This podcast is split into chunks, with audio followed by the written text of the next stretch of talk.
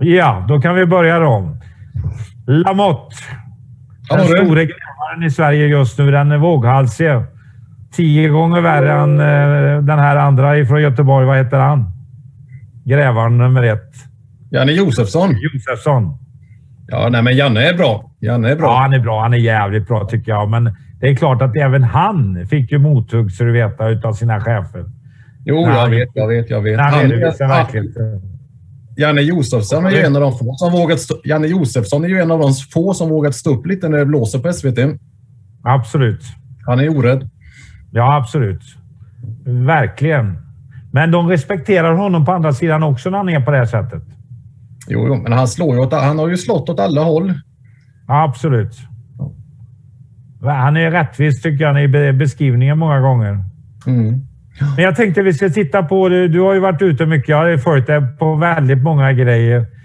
När jag var uppe i Östergötland och så vidare. Men jag tänkte nu att vi ska titta på Vetlanda då. Mm. Vad har hänt där? Det har du tittat på lite mer va? Nej, men ja, det var ju den här äh, vansinnesattacken då. Den här eh, mannen från Ja. Afghanistan som högg, högg ner sju stycken personer. Ja. Och polisen först då rubricerade som misstänkt terrorbrott. Och sen var, dagen efter så gick man ut och sa att nu är det bara försök till mord. Nu ser vi inte att det skulle vara någon misstänkt terrorbrott längre. Eh, och jag, är jag var väl en av de första då som eh, gick ut med identiteten på den här personen. Och sen var jag ju först med att intervjua då ett, ett av offren.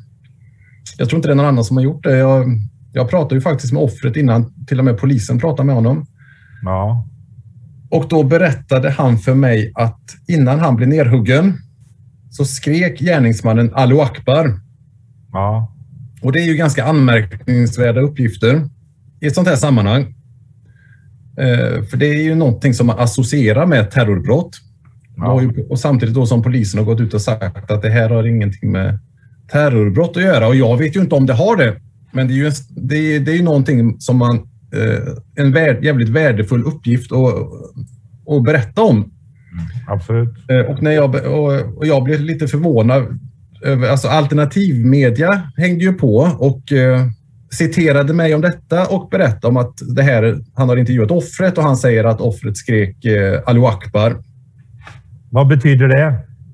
Ja, det, är ju, det är ju en arabisk fras som bety, betyder Ja. Gud är större och det är ju, Ja. alltså, det är ju vanligt förekommande att, få, att de skriker det då när det sker terrorattacker. Jag förstår. Det är som ett islamistiskt stridsrop också. Ja. Och, eh, så det här blir ju jättestort i sociala medier. Eh, men samtidigt så blir det, var det total tystnad eh, i mainstream-media. Och jag blir lite förvånad kring detta, för jag vet även om man inte gillar mig då, kanske jag har ju varit på svenska journalistkåren rätt mycket och, och kritiserat dem.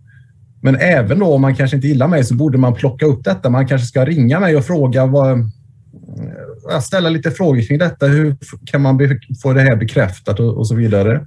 Men det är ett sånt fruktansvärt ointresse alltså. Och, och jag kan inte riktigt... fram sanningen. Nej, men det, det är Nej, men det, och det är ju skrämmande tycker jag. Och jag tycker också det att det tog väldigt lång tid innan man gick ut med att framförallt då SVT och Sveriges Radio. Det tog väldigt lång tid innan man gick ut och berättade att den här killen är från Afghanistan och att han inte hade blivit av med sitt uppehållstillstånd. Det tog väldigt lång tid innan man gjorde det. Hur länge hade Eh. han haft eh, inne ansökan om uppehållstillstånd då? Ja, det var, att den, han har blivit, han, han, hans uppe, hans, han, det hade ju gått ut och så väntade han på ett nytt och så svävade han lite i limbo däremellan då.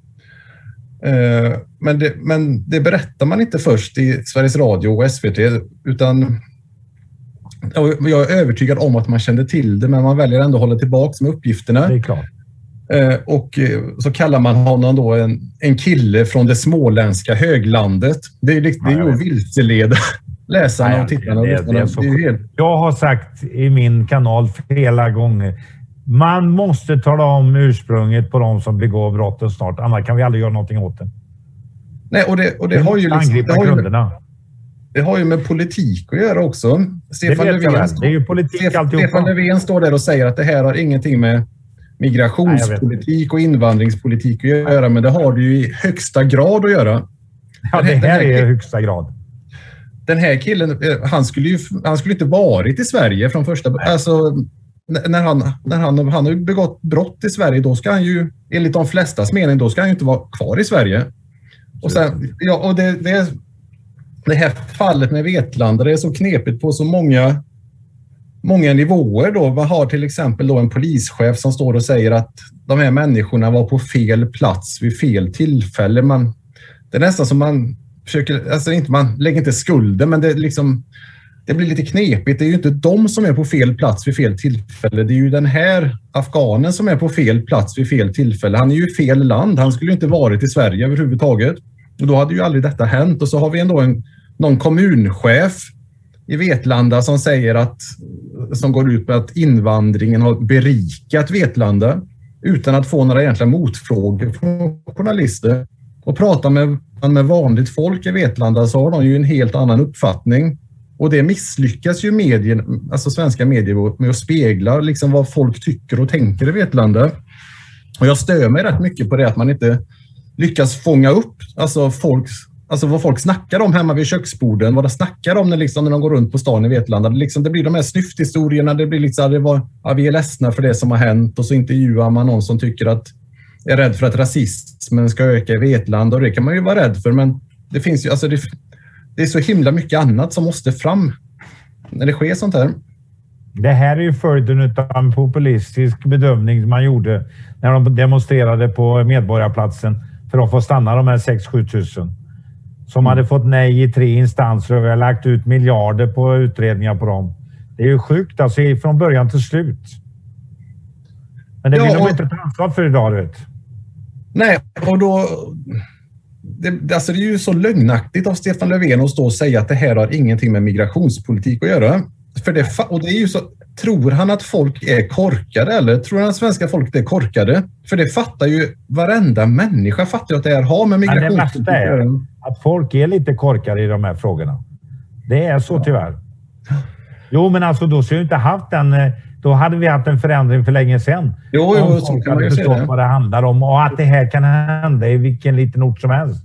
Det här mm. hände ju hela tiden fast det inte var sju. Det kanske var två. Det hände i mm. Skara igår. Jo, men jag vet, om man nu pratar om Vetlanda, det var inte länge sedan en ung tjej blev ihjälhuggen med 130 knivhugg av en kille från Syrien. Det var bara jag var ett eller två år sedan eller något sånt där. Och, här, och, ja. Och, och nu men alltså, ju detta. Då. För det, det är som en, jag brukar jämföra med en alkoholist. Eh, erkänner aldrig alkoholisten att han har problem, då kan man aldrig göra någonting åt det. Och det är samma med den här frågan.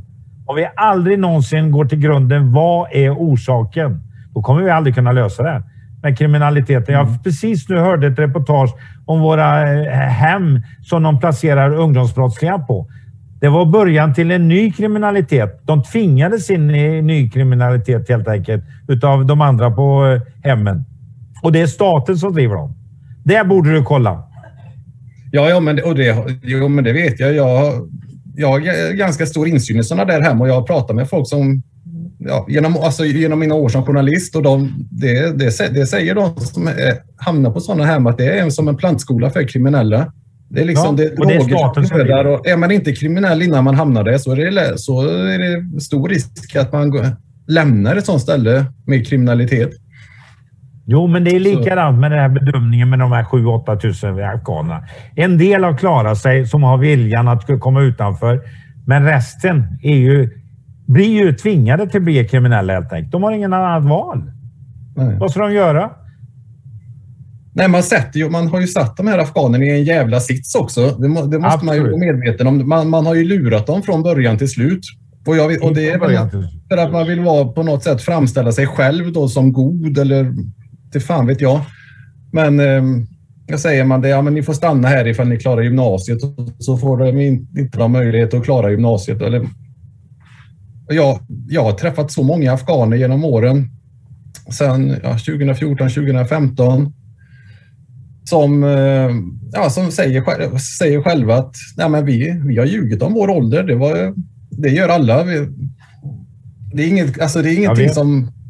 Ja, men, och, och det är inget, och Alltså rent mänskligt kan jag ju förstå de här killarna också. I deras sits hade jag kanske gjort likadant, men då måste man ha ett samhälle som sätter stopp för det. vi kan ju inte liksom tillåta att folk ska ljuga om sin ålder och komma hit och gå, vara överåriga och gå med högstadietjejer i skolan till exempel. Det, det funkar ju inte. Och sen hela, hela grejen med den Afgani migrationen från Afghanistan är ju helt, helt bortom allt, allt rimligt logiskt tänkande. De, de, jag har ju, kvinnor, haft kvinnor, i, i de, här. De kvinnor i världen som är mest utsatta, det är kvinnorna i Afghanistan. Ja, Men över 90 procent av de som kommit från Afghanistan och hit, det har ju varit män. Vuxna män som ljugit om sin ålder. Skulle man hjälpt någon så skulle man väl hjälpt de här kvinnorna i så fall. Så det, nej, men det är så vansinnigt. Men det var en charterresa man beställde hit. Vet.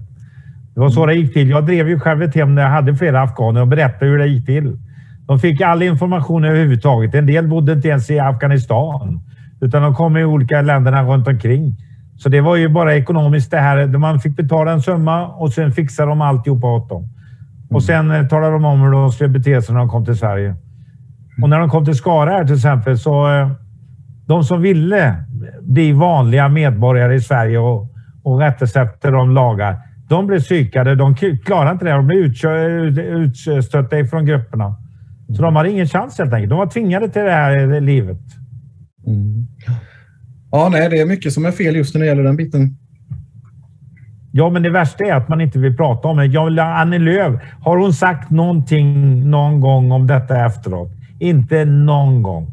Hon var ju faktiskt orsaken till att det blev så. Hade inte hon gått med i det här så hade det inte blivit genomförbart. Nej, jag kommer ihåg när jag började skriva och prata om detta. Det var ju då i den vevan då 2015. Jag var, ju runt, upp, jag var ju runt jättemycket på skolor och träffade ungdomar. Jag såg ju de här vuxna männen som gick med barn. Och jag kunde komma till skolor och så trodde jag att jag träffade en lärare som var i min ålder. Ja. Då var det en elev.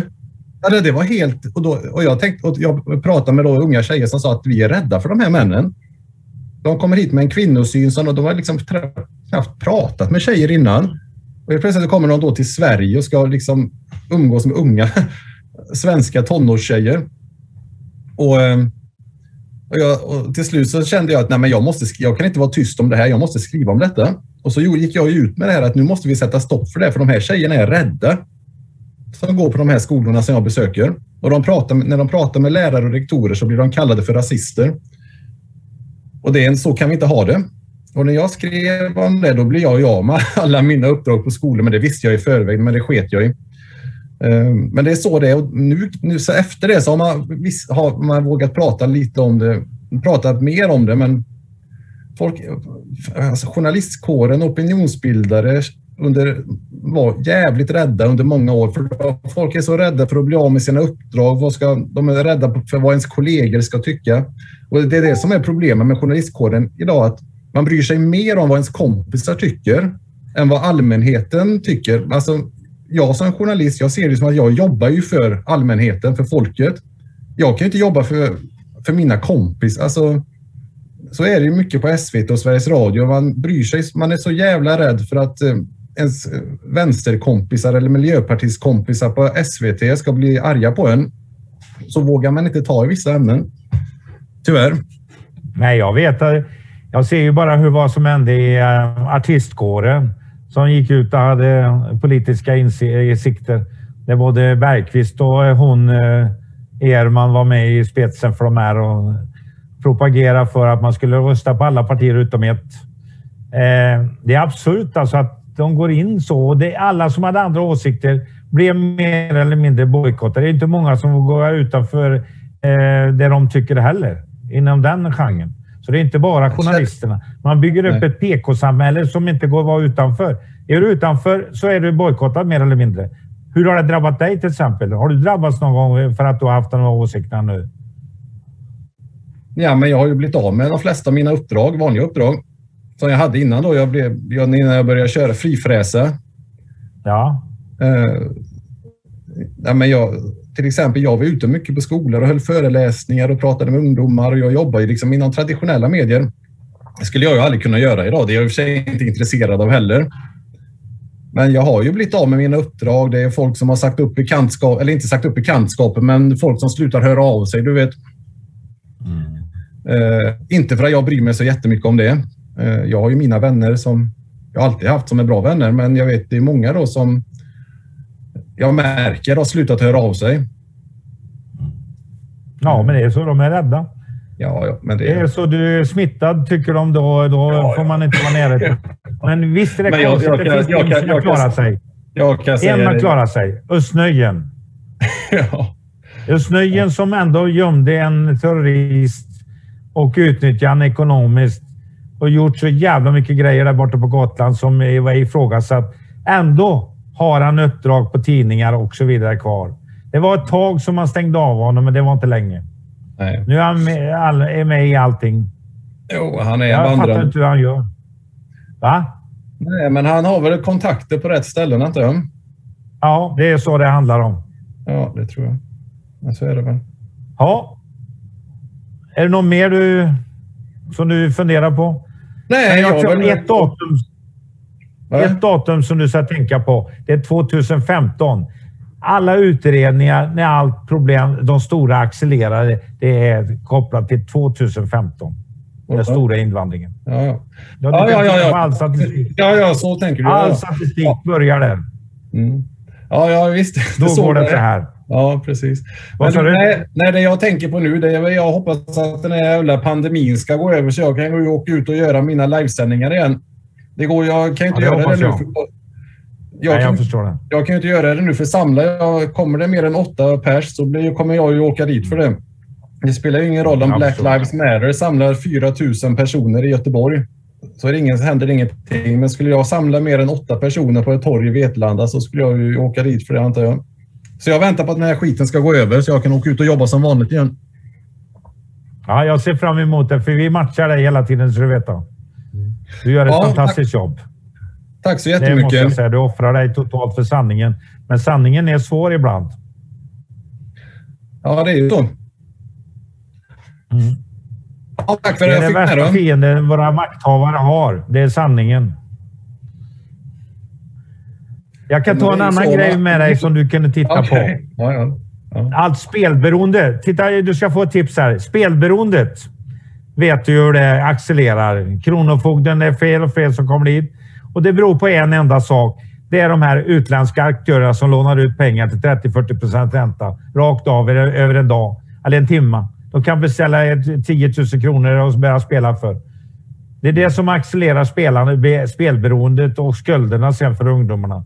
Det tycker mm. du ska titta på ordentligt. Mm. Jag ska lura på det. Bra.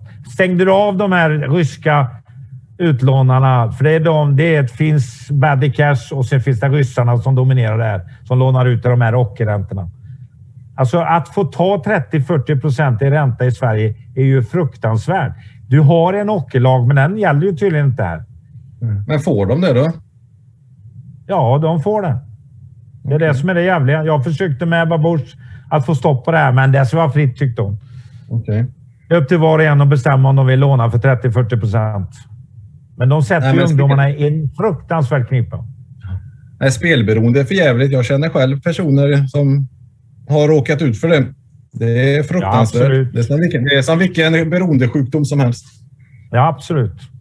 Men det kunde politikerna också stoppa om de tog tag i det här, de som lånar ut pengarna på det här mm. vårdslösa sättet. Precis. Men Lamotte, vi tackar för det idag.